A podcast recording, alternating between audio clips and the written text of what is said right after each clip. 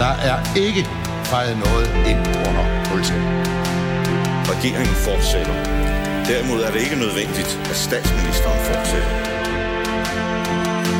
Der er ikke noget at komme efter. Her Helle, pas rigtig godt på dem. De er kun til lås. Fordi sådan er det jo. Ja, jeg kan bare sige, at der kommer en god løsning i morgen.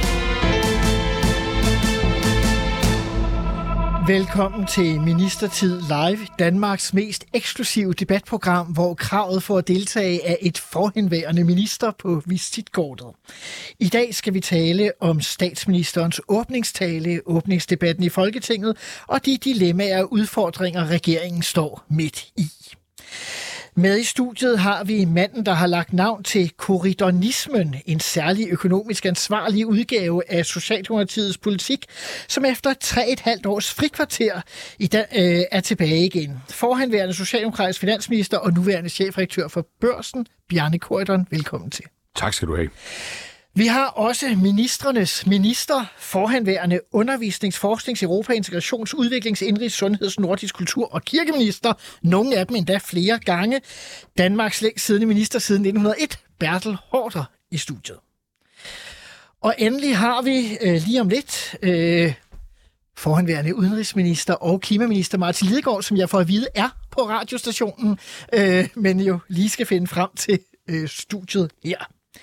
Så det bliver noget af et powerpanel, vi skal diskutere dansk politik med i dag. Mit navn er Simon Emil Amitsvøl Bille, og jeg er din vært på Ministertid Live.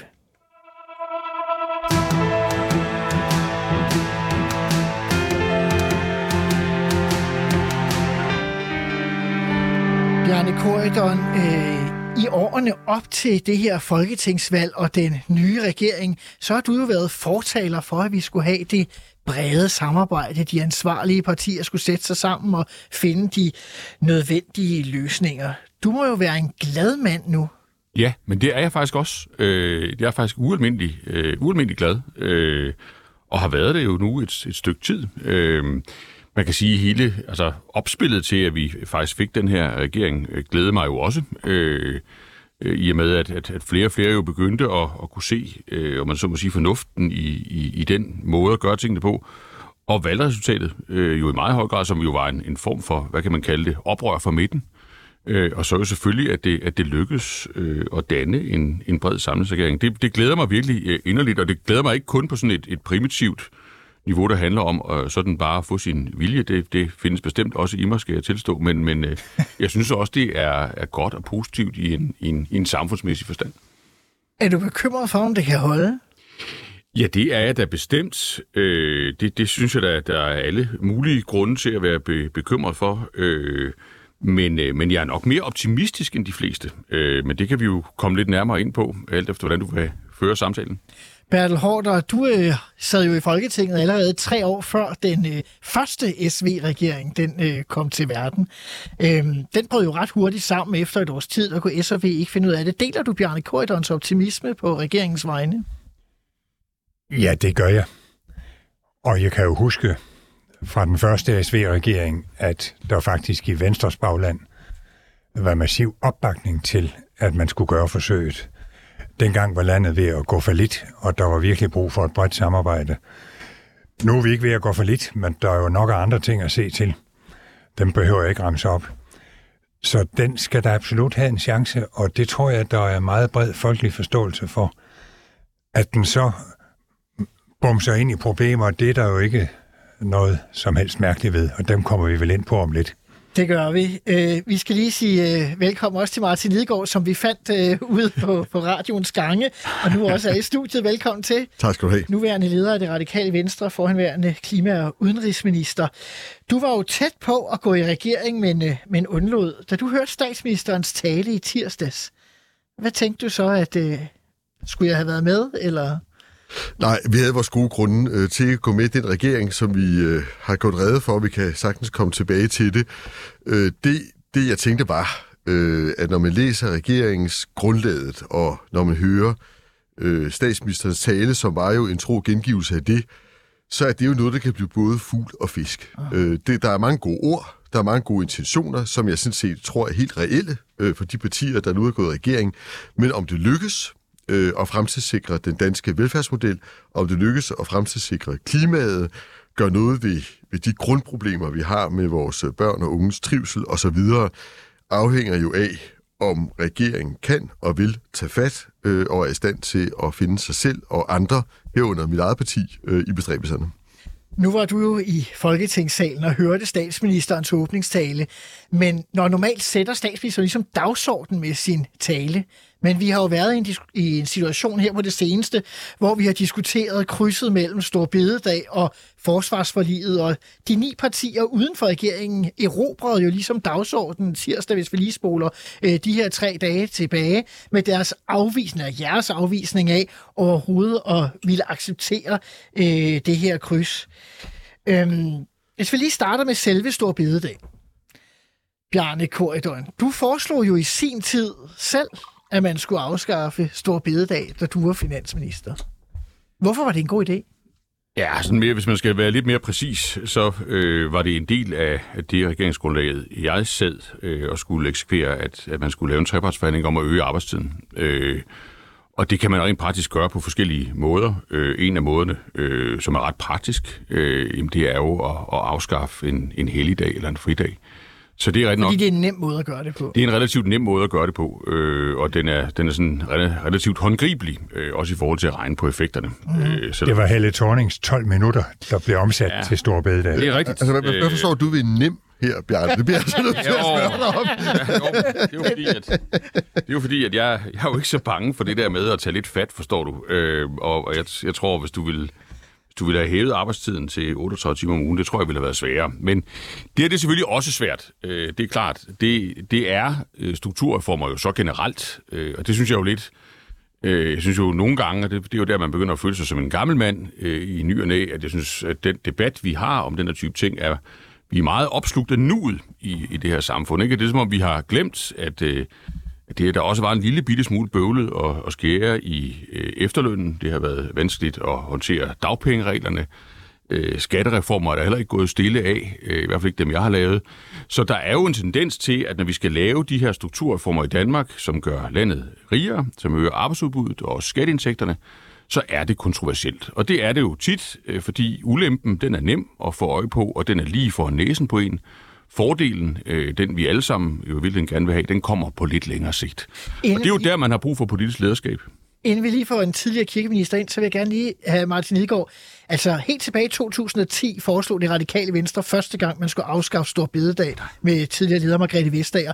Du har selv været åben over for tanken, har du formuleret. Samia Narva har så set som i dag sagt, at I stadig er åbne. Så det er krydset, I er sure over. I er sådan set med på at, at tage den nemme model, hvis vi nu skal det, bruge fjern. Det er korrekt forstået. Altså, vi er, øh, vi er jo et reformparti, og øh, alle de reformforslag, regeringen har lagt frem på nær et, nemlig ideen om at omfatte hele det danske uddannelsessystem, alle de reformforslag vi sådan set, øh, går vi konstruktivt ind i forhandlinger om, øh, og det er også rigtigt, at, at de ni andre partier, der er i Folketinget og regeringen, er vi nok de eneste, der har den hat på.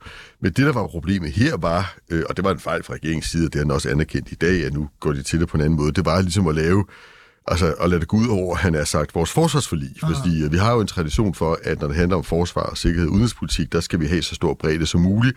Og det med at sige, at man slet ikke må gå ind i forhandlingsrummet på forsvarsforliget, hvis ikke man også ville stemme for stor bededag. Det synes vi var et øh, uelegant kryds at lave, fordi det var et benspænd for at få et bredt forsvarsforlig. Men øh, der er ligesom herfra to forhandlingsforløb, som vi oplever det, og, og vil anbefale regeringen at håndtere det. Det ene er, at vi, vi går ind i et forsvarsforligsrum, og der tror vi, vi kan være rigtig mange partier med, og der skal vi så finde noget finansiering til det, og det vil vi selvfølgelig også gerne kigge på. Og så har vi et øh, et forhandlingsrum om øh, Stor. Der bliver vi ikke så mange partier, tror jeg, øh, om hvordan vi håndterer det bedst. Både den konkrete model, altså hvilken hele dag og hvornår og hvorledes, øh, og hvordan vi får en forhåbentlig øh, mere konstruktiv dialog med både kirken og, og arbejdsmarkedets parter om det. Men altså på den præmis, at vi skal gøre det. Men selvfølgelig også øh, det råderum, der så kommer, hvor er det, vi synes, vi trænger mest til at investere i fremtiden. Og der er jeg enig med, med Bjarne i, at når man gør det her, er det jo for at fremtidssikre Danmark. Men det gælder både, kan man sige, det at skaffe arbejdskraften og pengene, men jo også, hvad man så bruger pengene til at investere i, synes vi også er en vigtig del af den diskussion. Bertel Hårder, tidligere kirkeminister. Hvordan ser du egentlig på det med Stor Bededag? Jeg har det fint med at afskaffe store bededag. Men Det må jeg jeg, spørger, så er det jo fordi, vi har må- jo... Dit parti har mistet Birte Røn Hornbæk, en anden tidligere kirkeminister, og Christian ja. Majdal, en tidligere folketingsformand, har været ude at være skeptisk. Det vil bare lige tjekke. Ja. Ja. Ah, måske ikke partimedlemskabet, men øh, Men Birte Røn Hornbæk øh, har vi jo alle sammen mærket krabasken fra igennem tiden. det kan jeg skrive under på. Og øh, nu klatrede hun så så højt op i træet, så, så hun ikke kunne komme ned igen. Da grenen knækkede. Og, og det... Hun har simpelthen ikke ret i det, hun siger. Og sært nok, så har biskopperne heller ikke ret i det, de siger. Der er jo adskillige eksempler på, at Folketinget har grebet ind over for kirken og lavet lov. Altså, øh, Manu Saren øh, fik, jo, fik jo skubbet til, til hvilesesritual, da man også kunne, kunne gifte sig med en af samme køn. Og der er andre eksempler. Det har kirkeretsekspert Lisbeth Christoffersen Kvindelige præster i skrevet om 40'erne. i, i Kirke ja. Nyt, tror jeg det hedder i Ja, dag. ja. Så biskopperne har simpelthen uret, og det har Rønne Hornbæk også. Selvfølgelig kan Folketinget fjerne en helligdag. Den er menneskeskabt, og den har jo ikke aldrig været hellig. Det er ikke vor herre, der har bestemt helligdagene, selvom det hedder helligdag. Så som god grundvigianer, så har jeg slet ikke kunne tage den snak alvorligt. Vi Øh, så- Det, der er alvorligt, Ja. det, det, det, det eneste, der er alvorligt i den her sag, det er, hvis det skaber problemer for overenskomstforhandlinger. Fordi alt det andet, det er noget uskadeligt tummel, og regeringen kan regere trygt og frit, mens folk snakker stor bededag. Det har ingen betydning. Det får kun betydning, hvis det påvirker overenskomstforhandlingerne. Hvis du var finansminister stadigvæk, Bjarne Korydon, ville du så også tænke sådan, det er godt, at folk de diskuterer videre og står bededag, for det er jo dybest set ligegyldigt. Eller ville du være bekymret for Socialdemokratiets forhold til fagbevægelsen og til Folketinget på grund af krydset? Ja, nu har jeg jo ikke været sådan overtynget af bekymringer for Socialdemokratiets forhold til, til fagbevægelsen, tror jeg. Altså, nu husker jeg det heller ikke. Men, men, øh, så, så nej, det, det tror jeg da, jeg vil have tage med et relativt lavt øh, pulslag. Øh, jeg, jeg tror, jeg vil, altså hvis jeg må... Øh, jeg tror, jeg, det, hvis jeg har en bekymring, så er det måske, at, at en fornemmelse af, at, hvad kan man sige, kropstemperaturen på det offentlige rum øh, bevæger sig opad. At der er en, noget, der kunne ligne en, en, en feberlatens i, i vores offentlige diskussion, hvor øh, både de ord, vi, vi bruger, øh, og de midler, vi griber til, forekommer mig helt ude af proportioner. Øh, altså, der bliver jo talt om massakre. Altså, jeg har hørt en biskop tale om, at enevælden igen, øh, at vi ikke længere lever i et sekulært samfund, at den danske arbejdsmarkedsmodel er død, øh, overgreb, øh, et svigt af vores øh, kristne øh, øh, historie. Øh, For slet ikke at tale om ældresagen, For det- som, for det- som ja. er sure over, at de ikke får kompensation. Ja, øh, og, og så taler vi om at, at udskrive folkeafstemninger, øh, er og så omga- omdanne det til sådan et, et, et populistisk demokrati i stedet for et repræsentativt demokrati. Og så er det jo, man tænker, hvad, hvad, vil, hvad vil man egentlig gøre og sige, hvis vi kommer ud for egentlige, rigtige problemer i det her samfund? Altså, man, og det er jo ikke udelukket. Altså, man, der kan jo ske ting i et samfund, som sådan faktisk er ægte alvorlige, øh, udover at man skal arbejde syv og en halv time mere om, om året. Øh, Men vi og, så er der sådan på en eller anden måde ikke rigtig mere sprog tilbage. Men Bjarne, vi taler om polykriser, vi taler om økonomisk krise, energikrise, ja. krig i Europa, hvad ja. ved jeg ja, ja. efterhånden, ikke? Jo. Altså, virker det ikke også lidt som om, at den her midterregering, der nu skulle sætte sig ved voksenbordet og tage tingene alvorlige, mm. at med det der kryds, de fik lavet her, så kom de ikke til at se så alvorlige ud, som de gerne ville. Jo, det er, det er jeg enig i, og det, nu har jeg jo det privilegium at skrive, øh, hvad jeg mener et par gange om ugen, fordi det hører med til at udgive en, en avis. Ja, du har jo været efter der, ikke? Det- det har vi bemærket. Ja, ja, nå, det har du også bemærket. Ja, det kan vi jo også lige komme ind lidt ind på. Men, men, men, men jo, det, det var, synes jeg heller ikke var klogt. Og Jeg synes, det havde været klogere at gøre det, øh, statsministeren jo så faktisk gjorde, synes jeg, dygtigt og godt i sin, i, sin åbningstale, nemlig at rise det noget større regnestykke op. Det forhold, at der jo, der er jo, der er jo hul i, i, i kassen, hvis man sammenligner det råderum, man har, med de ting, et meget bredt flertal i Folketinget og i befolkningen ønsker at gøre. Øh, det er der. Og, og det hænger jo også sammen. Det er jo ikke bare kold matematik. Det hænger jo sammen med nogle, øh, med nogle meget varme holdninger herunder til grøn omstilling og, og velfærd og fordeling osv. Det tror jeg havde været, været klogere. Og nu skal jeg jo ikke snakke hele tiden. Der, der, hvor jeg kan have en vis sympati for regeringen i forhold til forsvaret, det kan være, at vi kan få en lille diskussion ud af det. Øh, det ligger jo i, at, at det nationale kompromis, man indgik for et års tid tilbage, var i mine øjne ikke økonomisk ansvarligt. Heller ikke dengang. Og det sagde jeg, skrev jeg også i, i stor rigelighed. Det tror jeg, alle synes var enormt irriterende, øh, fordi det forstyrrede ligesom den gode stemning øh, der tilbage. Men- men du har ret, men, det var jo men, ikke men det er jo åbenlyst, det. at når man tager pengene af kassen, så kan man jo stille sit ur efter, at på et eller andet tidspunkt, så opdager man jo, at hov, dem vi skulle vi da egentlig have brugt til noget andet. Øh, der er jo også en grøn omstilling, der er jo også et velfærdssamfund, der har det svært, der er et sundhedsvæsen, der er en psykiatri, der er et ønske om at lette skatten på, på arbejde. Og, og der synes jeg på en eller anden måde, at, at, at det, var, øh, det var meget lidt voksent, øh, at man ikke tog det i betragtning, øh, da man blev grebet af forsvarsvilje. Men er det ikke en rimelig pointe, Martin Lidegaard? Du sidder jo som leder af et af, af partierne for det nationale kompromis. Jamen, det, jeg synes, det er fuldstændig rimelig pointe, og uden øh, jeg sådan skal bryde noget fortroligt rum, øh, vil jeg da bare sige, at vi var nogen i al stilfærdighed, også dengang, der påpegede, at man måske også kunne finansiere det på en anden måde. Mm.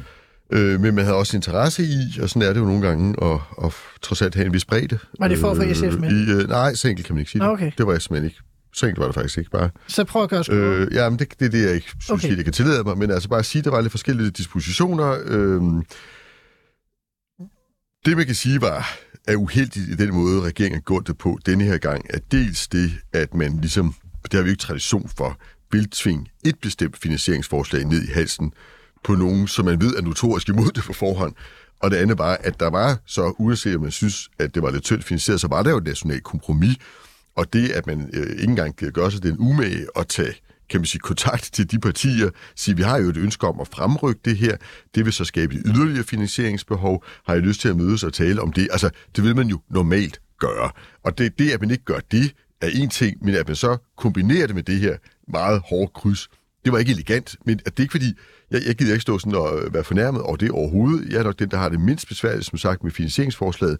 Men det var ikke elegant, og det er vigtigt af en anden grund, nemlig det danske forsvar. Det er en lidt anden dimension end, end strukturreformer, men det er bare afsætteligt vigtigt i den her situation, at vi har bred forligskreds bag vores sikkerhedspolitik. Så det var vores ærne i at gå og samle de her ni partier og sige, det er lige en ommer, kære regering, men i øvrigt vil vi gerne bidrage konstruktivt til både det ene og det andet. Men der er jo lavet... Øh, der er jo lavet kryds før, altså både Bjarne Korydon og Thor Petersen og andre gode folk har jo lavet mærkværdige, undskyld udtrykket, kryds. Jeg har selv været med til at indgå en kriminalforsorgsaftale, hvor vi skulle øh, gøre det dyrere at få tandrensninger øh, for almindelige mennesker til gengæld. Det var alene, tror jeg, øh, Bjarne står smiler for at få Venstre ud af forhandlingerne og beholde K og Liberal Alliance inden. Ikke? Så det findes jo i det små. Det, der vel er problemet her, det er, der er krig i Europa. Den største siden 2. verdenskrig. Nu kommer der en regering, der skal tage det hele alvorligt, og så skal vi lave det her kryds. Det kommer til at virke lidt underminerende for den store fortælling, dybest set.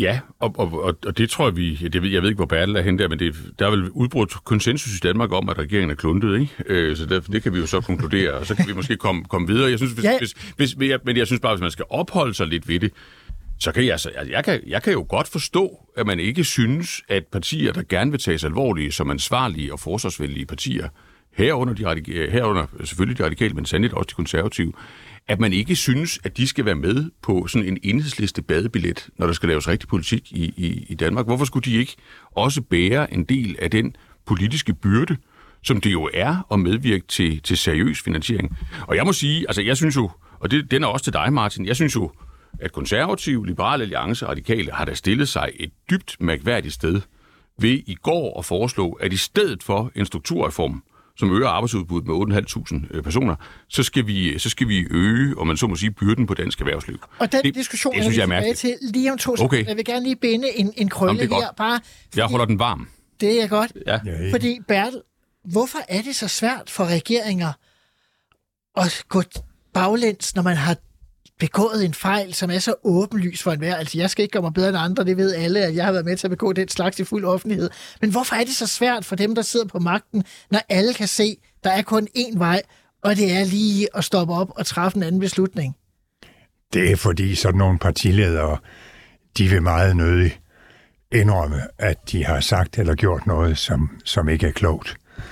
Og så blev de jo hjulpet af krogen. Altså de der ni partier, der kom med et fuldstændig øh, uansvarligt andet finansieringsforslag, de hjalp jo regeringen af krogen. Så tak for det, øh, vil jeg sige. Selv tak. Men øh, den, den, den der sammenkædning var ikke klog.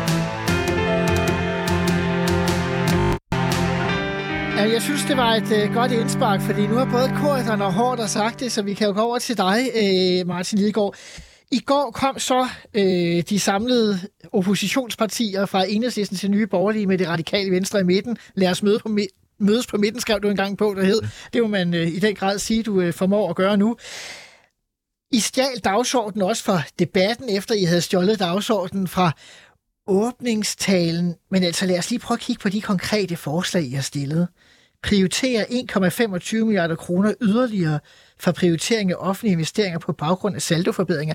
Jeg er faktisk dybt imponeret over, at I har fået enhedslisten til dermed at øh, tage pengene fra velfærden og give til forsvaret, fordi det er vel det, der er, er pointen. 1 milliard kroner for overfinansiering i aftale om vinterhjælp, hvor Danmarks Demokrat Konservativ havde fået skrevet ind, at øh, hvis der var et overløb, så skulle det gå tilbage, netop som Bjarne Korydon var inde på, til erhvervsskattelettelser. Og 0,75 milliarder til sanering af erhvervsstøtteordninger. Der er i forvejen nedsat en arbejdsgruppe, der skal finde 3,5 milliarder kroner øh, i, i, i mindre erhvervsstøtte, ikke? Øh, så vidt jeg kan se.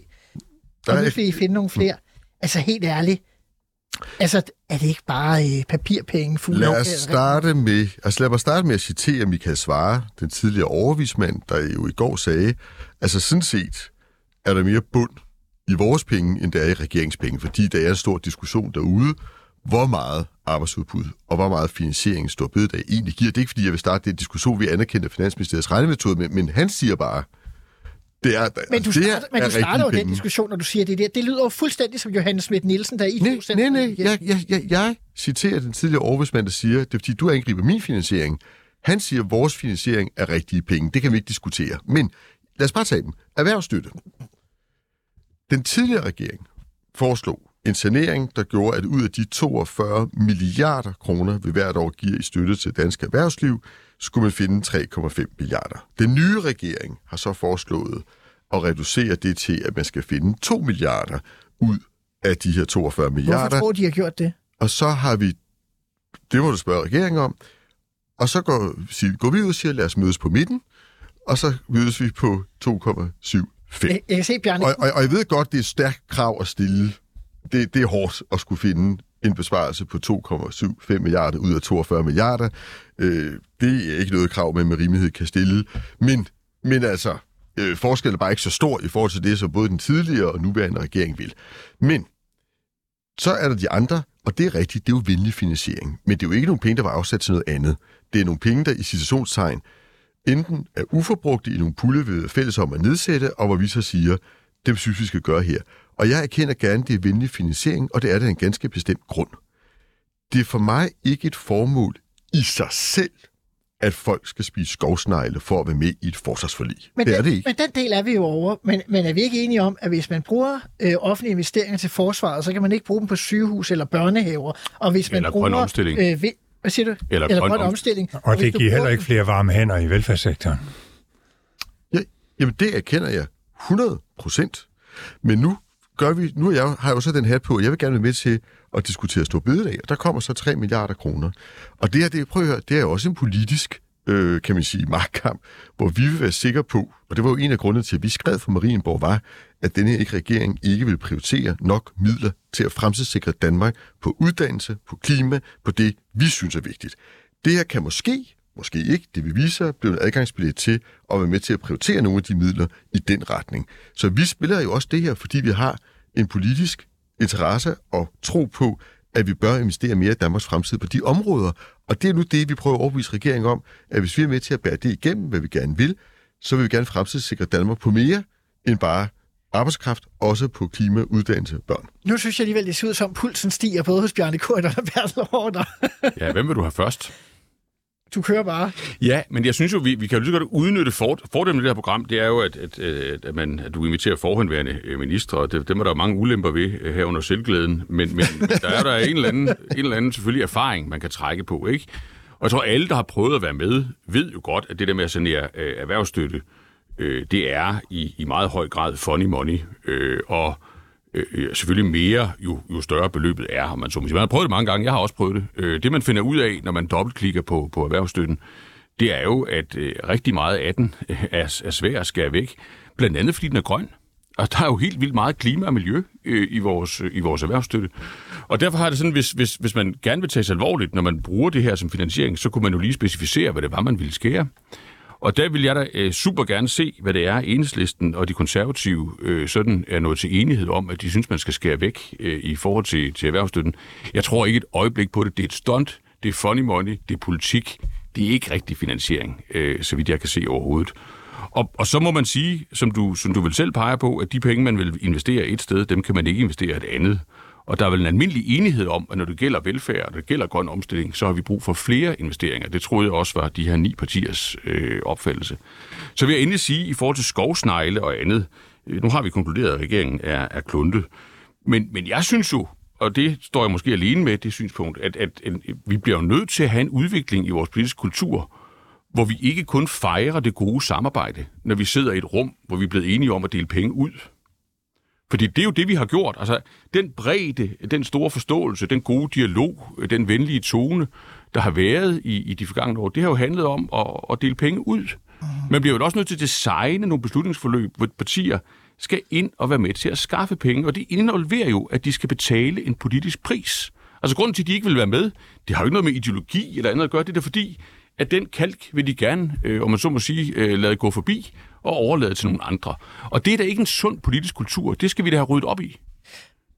Funny money, Hårder. Er du enig med Køjderen i det? Fuldstændig.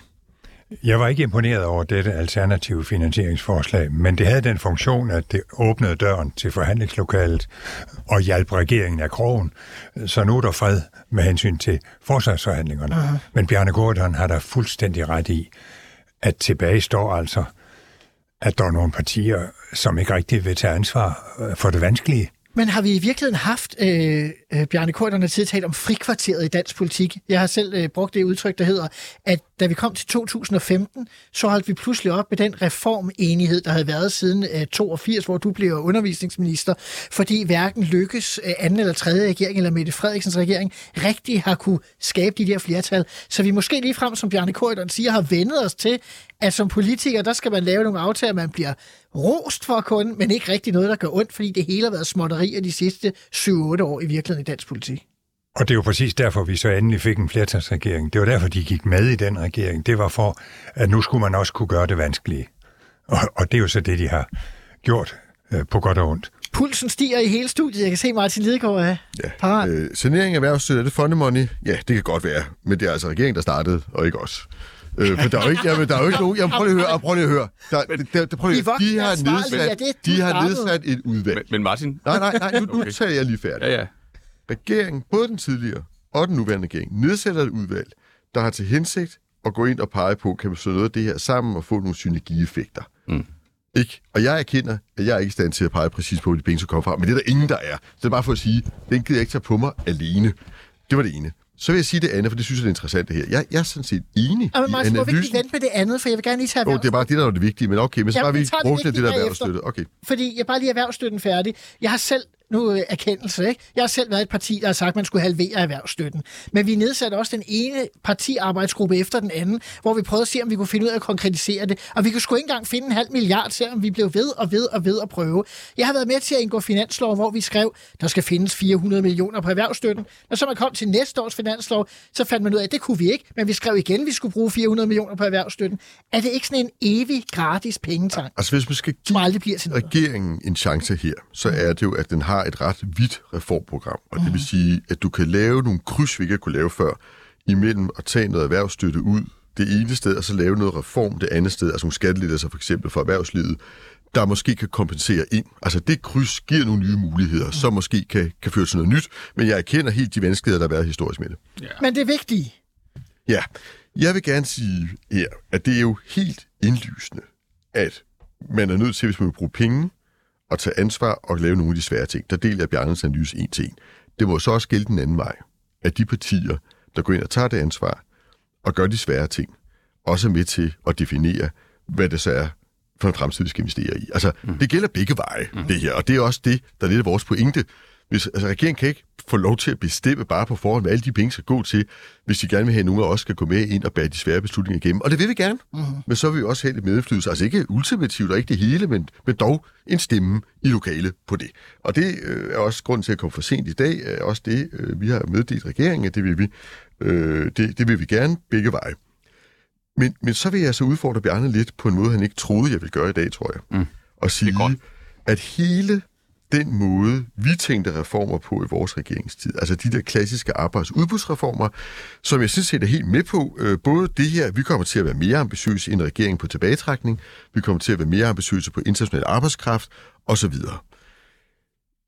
Jeg kan ikke lade være med at føle, at, at, at de har deres begrænsning af den forstand, at et eller andet sted er det arbejdsudbud jo også lidt et umætteligt dyr, som skal fodres, og vi er med på det, som sagt, ikke fordi, at jeg ikke vil være med til at gøre det, men den egentlige store varme kartoffel, vi står med lige nu, det der egentlig er ved at få hele velfærdsstaten eller samfundet til at bryde sammen, det er jo, at krydset eller modsætningen mellem de forventninger, der er til den offentlige sektor derude, og vores faktiske mulighed for at levere på det, er helt ude af synk, og år for år bliver distancen større. Og derfor er det for mig at se uomgængeligt at tage fat på noget, jeg ikke engang vil kalde tredje generationsreform, for det handler om at få flere med, og det er fint, men måske fjerde generation, nemlig at prioritere i den offentlige sektor. Det vil sige, kan vi opretholde en universel velfærdsstat i alle generationer af livet? Eller er vi nødt til at begynde en diskussion, der hedder, når vi kigger på den ældre del af befolkningen, som er dem, der tager en større og større del af vores øh, velfærdsbudget, er vi så ude der, hvor vi er nødt til at konstatere, at det ikke er et spørgsmål om, vi vil få en større eller delvis privatisering af hele velfærdsområdet for den del af befolkningen, fordi folk køber private forsikringer i dag, de køber privat hjemmepleje, men vi skal gøre det på en kontrolleret måde, og vi er nødt til at prioritere. Den diskussion kunne jeg godt tænke mig at løfte op til. Den synes jeg aldrig er din leder. Det er kun at spise skovsnegl på arbejdsudbud. Hvor er den diskussion, som er den vigtigste i min optik? Men det er jo fordi, du ikke læser min leder. Fordi det, det, det er simpelthen, og det kan jeg også godt forstå. Kan vi altså, ikke det, det, det børsens ledere? Også fordi vi har kendt hinanden så mange år, at, at det må alligevel føles som øh, altså, en film, du har set før. Ikke? Øh, men men, men det, er, det, er, det er jeg 200% enig med dig i, øh, Martin. Det altså i detaljen øh, enig med dig i. Øh, jeg synes så ikke, det er nogen undskyldning for... Og, altså, det er jo ligesom, når ens børn siger, at vi jeg vil ikke være med til at rydde op, for der er virkelig nogle meget større udfordringer, vi skal have adresseret øh, i det her hjem. Ikke det, det, det, det, jamen, det, er sådan lidt, det, det har jeg prøvet nogle gange, og det, der siger jeg, at ah, jeg vil gerne være med til de store udfordringer, men vi skal have ryddet op. Ikke? Øh, og så vil jeg sige, at, at jeg synes, hvis jeg må gå ind i diskussionen, øh, Simon, altså, jeg synes, der har været en tendens, også hvis vi ligesom skal diagnostisere det, det offentlige rum i de senere år, hvor det der med at, at gå ind i den diskussion, du nu åbner, altså anden generationsreform, øh, diskussionen, tredje måske eller fjerde, det er blevet, øh, det vil jeg ikke beskylde dig for, men, men mange andre er jo, er jo løbet ind i den med sådan en eller anden følelse af, at det er nok et nemmere rum at være i. Aha. En første generation. Prøv at lytte til Pia oh, Det vil jeg sige, det kan prøv, prøv at lytte til den tidligere øh, regering. At det, det er sådan et lidt blødere og rare rum, hvor man ligesom kan, på en eller anden måde kan investere sig til de effekter, man gerne vil, vil have. Og det, det har jeg bare lyst til at slå en, en, en, en hård øh, pæl igennem, fordi jeg tror, det, det, det handler om, som du siger, at prioritere. Der skal du, er der også nogle mennesker, der, der skal af med nogle goder, de, de har haft hidtil. Så handler det jo om noget så kedeligt og, og svært som, som effektivisering og styring. Jeg vil sige, at de reformer, jeg har været med til at lave, der har den sværeste, og vel også den, der, der, der virkede dårligst, det har været folkeskolereformen. Øh, men i mine øjne var det jo den vigtigste. Fordi den handlede jo netop om, at man kan ikke betale sig til en skole, der lærer vores børn og unge det, de skal bruge for at leve et, et rigt liv, både åndeligt og, og materielt. Det bliver man jo i et vist omfang nødt til at styre sig til, eller effektivisere sig til, eller indrette sig til. Og der er bare meget stærke særinteresser i, i den sektor, det er der sandelig også i mange andre sektorer, som har det sådan, at det, det synes de egentlig nok, de skal finde ud af selv. Og, og de der diskussioner, altså dem er jeg også spændt på, om den nye regering kan komme ind og tage. Øh, jeg har bare ikke særlig stor tiltro til, at oppositionen er bedre til det end regeringen. Bertel Hårder, det må simpelthen være sød musik i en gammel liberalists øh, øre. Altså, det er jo som at høre dig i 70'erne og 80'erne, er det ikke det? Jo, og det ene udelukker ikke det andet. Altså, det Martin Lidegaard taler om, er vi nødt til at tage fat på.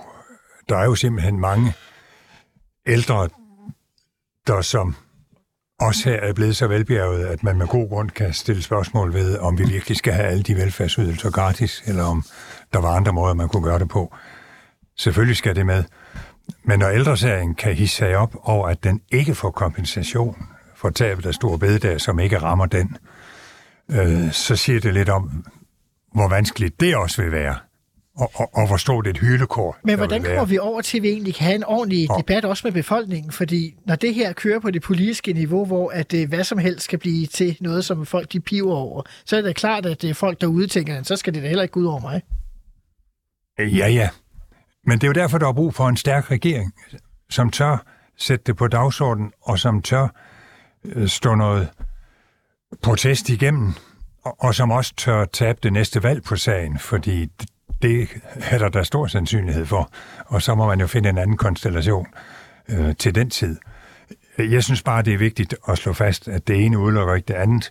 Og det der med, at vi må arbejde lidt mere, en halv procent mere, øh, for at både gavne velfærdssektoren og gavne forsvaret, det er en endelig sund tanke, og jeg synes egentlig, øh, Bjarne Korydon bør skrive en leder, hvor han, hvor han går imod de vismænd. Altså, nu blev Michael Svare lige mm. citeret for noget, som jeg synes er helt ude i hampen, og Dalgaard har været endnu værre, øh, da han sagde, at det betyder ikke noget, om vi arbejder en halv procent mere. Altså, hvad har vi... Bare arbejde mindre, for så vil Hvad har vi vismænd til? Jeg forstår det simpelthen ikke. Det er lige så galt som biskopperne.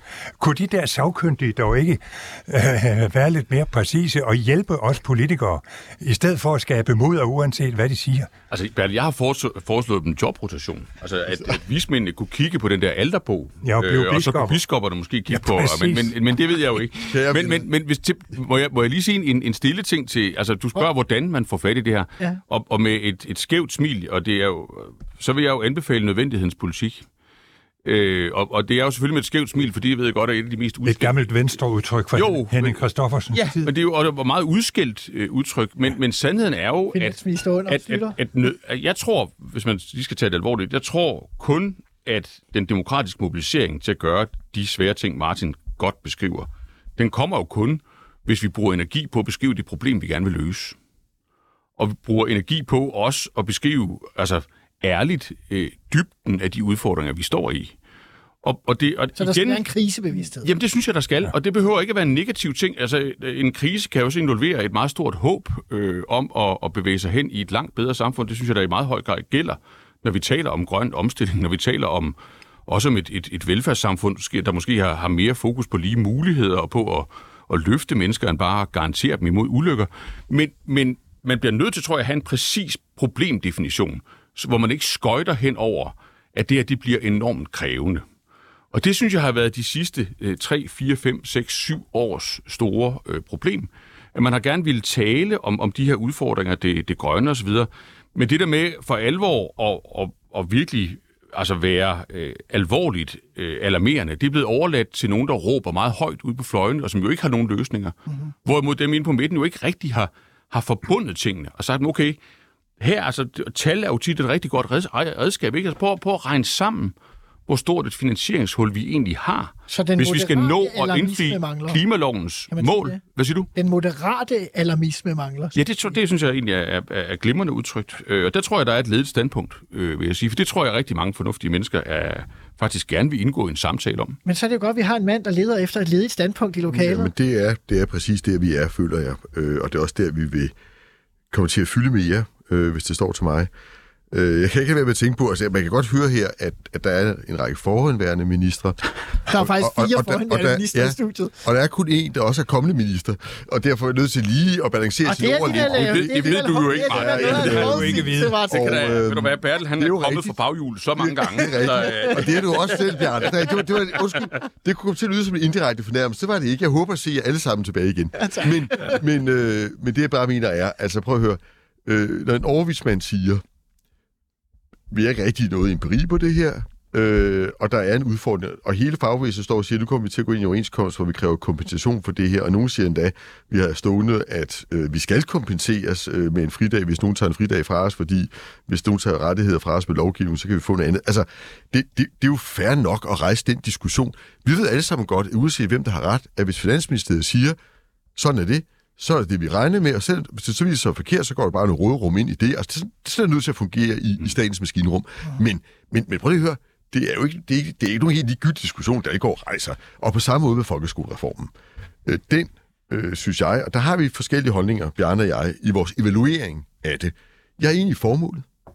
Jeg er også enig i, at vi er nødt til at, at, at gøre det langt tydeligere, hvorfor vi gør de her ting. Altså det med at beskrive øh, det problem, vi gerne vil løse, er jeg enig i. Men vi er også nødt til at, lytte en lille smule. Altså ikke bare opfatte alle skolelærer som nogle obsternasige typer, der har fået for mange rettigheder. Fordi du kan ikke gennemføre en forandring. Så meget ved om ledelse. Hvis dem, der skal skabe forandringen, alle sammen er lodret imod den styring, du tager på dem. Det er lidt ligesom, altså, at du kan ikke tvinge øh, altså, øh, alle folk til at gøre på en bestemt måde, eller læse en bestemt ting, hvis de ikke vil. Hvis, hvis, hvis de decideret ved det modsatte, den der ingeniørkunst, som er sådan i Socialdemokratiets arv. Altså prøv at høre, folk vil gerne gå på gymnasiet, eller folk vil gerne tage en videregående uddannelse, det er deres livstrøm, det går sgu ikke, for det er ikke det, vi har brug for. Så bliver de altså nødt til at gå ind og læse en anden uddannelse i stedet for. Ja, eller også kan man ændre uddannelsen, så den ikke er så lang, og det vil I jo så heller ikke være med til. Jamen, det er jo fordi, at det at uddanne folk til det, de gerne vil, og så meget som muligt, har æder hylden med tjent os godt. Det har skabt et erhvervsliv, der er blandt de mest produktive i verden. Det har skabt en verdensklasse økonomi, fordi det, der driver økonomien i det her land, ikke kun, det er det også, ikke kun er faglært arbejde, men også højt specialiserede folk, der har uddannet sig til ingeniører, specialister, IT-folk osv. Martin Ligaard, der er også lavet utallige undersøgelser, der viser, at den marginale effekt af mere uddannelse i et samfund som det danske, den er ret begrænset efterhånden. Ja. Øh, det den, men nu kan vi ikke lide dør og, og vismænd i det her lokale, men altså, jo, jo.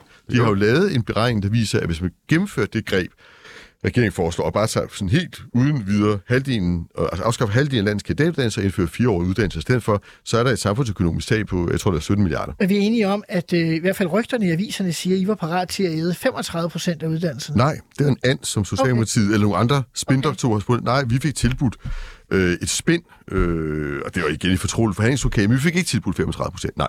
Men I kunne leve med 35, eller Nej. Okay. Bjarne Krøner. Ja, men nu det er jo dig, der styrer programmet, og det gør du super godt, så jeg ved ikke, om, om du har lyst til, at vi dobbeltklikker på det her spørgsmål om, om uddannelse og, og så videre. Men jeg synes egentlig, det, jeg synes egentlig, det, det, det har værdi på jeg den måde. Jeg forstå pointen med Nå, nej, men det, det, har, det har værdi på den måde. Martin rejser jo, øh, mm-hmm. hvad kan man sige, den, den næste reformhorisont, der jo ikke bare handler om øh, om de her instrumenter på arbejdsmarkedet, fridage, øh, satser i overførselsindkomstsystemet, mm-hmm. skatter osv., men, men som handler om driften af hele servicesiden øh, af vores velfærdssamfund. Hvad får vi egentlig for de penge, vi bruger på hinanden til service, og ikke bare til, til, til overførsler?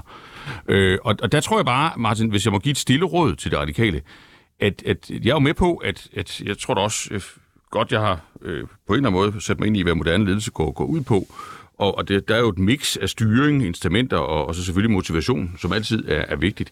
Jeg tror, I skal passe meget på med, at opfattelsen af jer som radikale ikke er, at den type reformer, hvor, hvor det her med instrumenter og styring fylder noget, det er noget, der er forbeholdt folk, der ikke aldrig kunne drømme om at stemme på det radikale.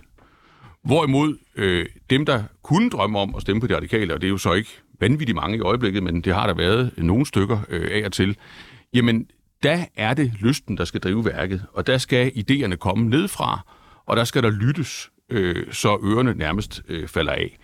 Det, altså, prøv at høre, jeg har været med til at diskutere dagpengereglerne med, øh, med radikale ministre over en fireårig periode, der selv øh, inklusiv. Der var der jo ikke sådan en vanvittig interesse i at lytte til den interessegruppe i, i forhold til, hvilke instrumenter øh, de skulle have øh, i forhold til at opføre sig, sådan som det nu ville være samfundsmæssigt rigtigt. Jeg tror bare, I skal passe på, og, og jeg tror, man må sige, at uddannelsessektoren i, i Danmark, den er skøn, og den er stor, og den er dejlig, men den bliver nødt til at levere en bedre vare til samfundet, endda en meget bedre vare til samfundet. Og det kan man ikke alene lytte sig til, efter min Vi skal lige have et kort svar for Lidegaard, før Hårder så også kommer ind. Ja, jeg vil bare sige, at de der dagpenge, ganske få måneder efter, at vi øh, var ved at rive hovederne hinanden på det der, der lavede vi jo kæmpende kompromis, så vi burde have lavet inden valget, af min læsning jo, af men, det. Øh... Og, det. Og det var, min, det var vores. Det var det, altså, jeg siger bare, der var vi for hårde i min optik dengang. Det er en selverkendelse. Ja. Når jeg, det, det er jo ikke fordi, at jeg opfatter mig selv så meget blødere end dig. Jeg konstaterer bare, at den Jeg opfatter dig heller ikke som blødere end mig. den folkeskolereform var jo en fiasko, for vi opnåede ikke det, vi gerne ville. Og derfor bliver vi også nødt til at have en lille smule selverkendelse af, at, at det der med at lytte er ikke nødvendigvis bare fordi man er blød, det er også fordi, måske kan man lave de hårde ting, man skal på en mere kvalificeret måde, hvis man har taget et pejling af, hvor agenten er. Jeg synes ikke, du er blød overhovedet, jeg synes, du er kynisk, fordi jeg synes, du lytter mere til dem, øh, der holder med dig, øh, end til dem, der står et helt andet sted. Hårdt, du markeret også? som det mærkes, så er vi på vej til det næste store stridspunkt i dansk politik, og det er uddannelsessektoren. Jeg er enig med Bjarne Korydon i, at det med i 2013 at indføre elementer af almindelig ledelse, både i folkeskolen og gymnasiet, det var yderst tiltrængt. Jeg har siddet som undervisningsminister I flere næsten, omgange. i næsten årtier, Aha. og lidt under, at der ikke var almindelig ledelse øh, nogle af stederne.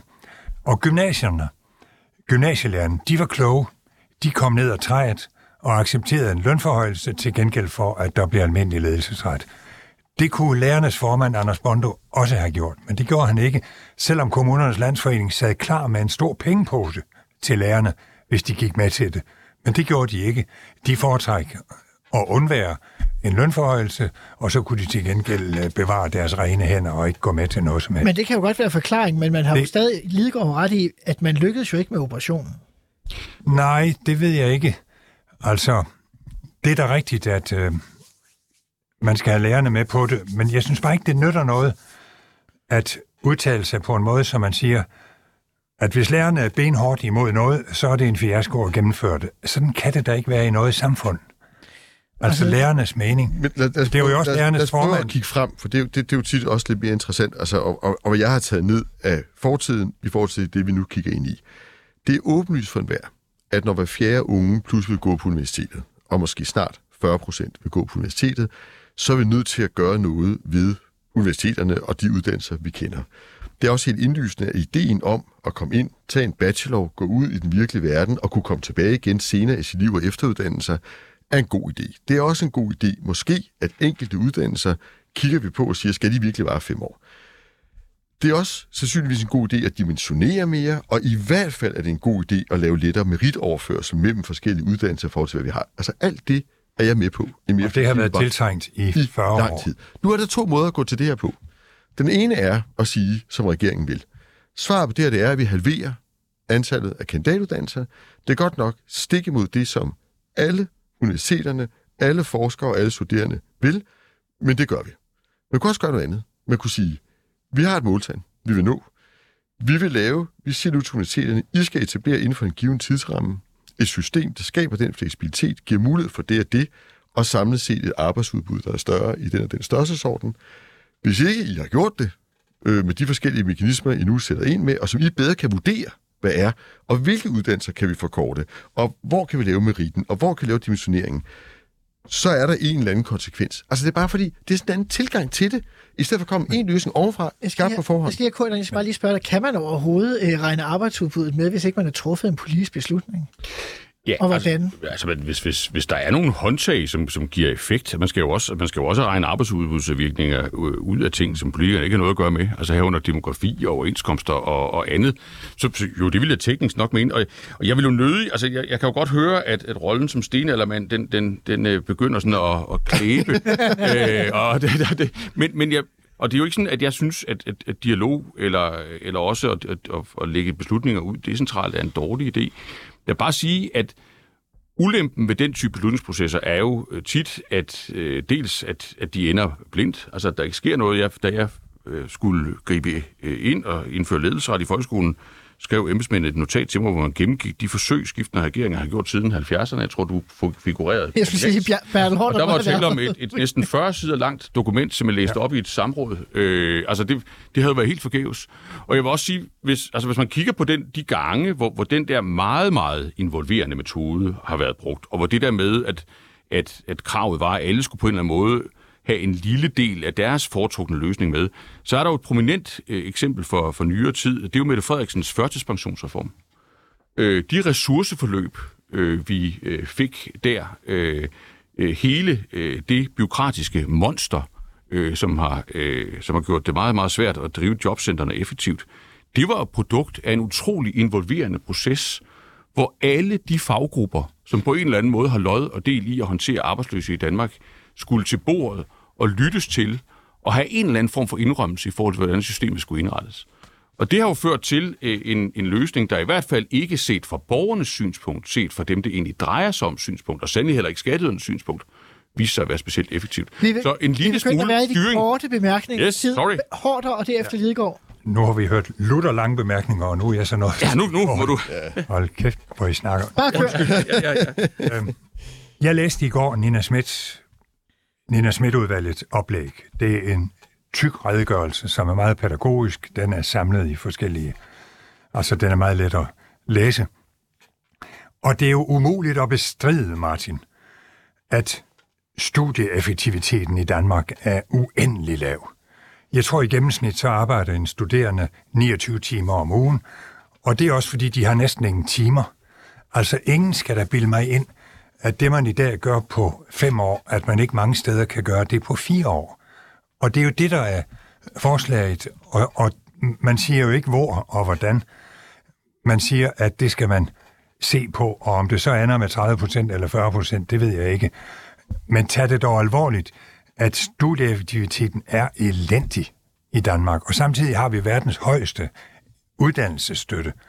Det er da også vigtigt at se lige på, om ikke vi skulle give lidt flere penge til uddannelse, frem for til uddannelsesstøtte i den sidste del af uddannelsen. Og hvis den sidste del af uddannelsen så nogle steder kun bliver et år i stedet for to år, så passer det jo godt sammen. Så der, der er altså noget, som også det radikale venstre bør tage alvorligt i Nina Smidt-udvalgets oplæg. Bemærk, det er et ekspertudvalg, der er kommet med det. Det er meget læseværdigt. Jeg har læst det. Der, man kan drage to konsekvenser af, af den problemformulering, Bertel, at øh, studieintensiteten er for lav. Det ene er at øge kvaliteten af uddannelserne. Og give noget bedre uddannelse. Brug tiden bedre i alle fem år. Den anden er at sige, nå, vi har dårlig uddannelse, okay, så skal vi et år af, så vi ikke spilder tiden yderligere. Kunne der ikke være nogle steder, Men- man både kunne have kortere og bedre uddannelse? Jo, det, prøv at høre, jeg, jeg afviser ikke, at man kan forkorte nogle uddannelser. Det er jo et meget differentieret billede. Øh, Skulle vi også sige, der er jo nogle uddannelser, som er præcis, som de skal være. Der er nogen, der er for lange, der er nogen, der måske er for kort. Ja, bortset fra, at regeringen har one size fits all. Vi har én stor værktøjskasse, den banker vi nu ned over, øh, over, over hele sektoren. Prøv at høre, man kunne også gøre noget andet. Det, det ligger ikke til os, der står her i studiet. Man kunne lytte til dem, der skal aftage de her kandidater.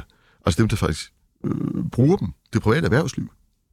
Hvad er deres anbefaling? Det er ikke at gøre det, regeringen gør. Altså, og jeg ved godt, at nu er vi lidt klogere i det her studie end de fleste, og det har jeg dyb respekt for. Ikke mindst de to herrer, der står der, har jo også bliver klogere og klogere. Øh, men, men altså en gang imellem, det er bare min ydmyge øh, holdning, uden at være vattet, uden ikke at turde tage en helmodig beslutning, når den skal tages, at det ikke hver gang nogen siger, kunne vi gøre det på en anden måde, at de ikke har ret. Det bliver nok den øh, sidste bemærkning i den her debat. Jeg vil sige tak til Bertel Hårder, til Bjarne Korydon og til Martin Lidegaard, fordi I ville være med. Mit navn er Simon Emil Amitsbøl Bille, og jeg er i tilbage igen i næste uge med mere debat i Ministertid Live. Tak for i dag, og på gensyn igen i næste uge, hvor vi igen byder velkommen til debat i det mest eksklusive debatprogram, hvor der skal stå forhenværende minister på visitkortet for at kunne være med.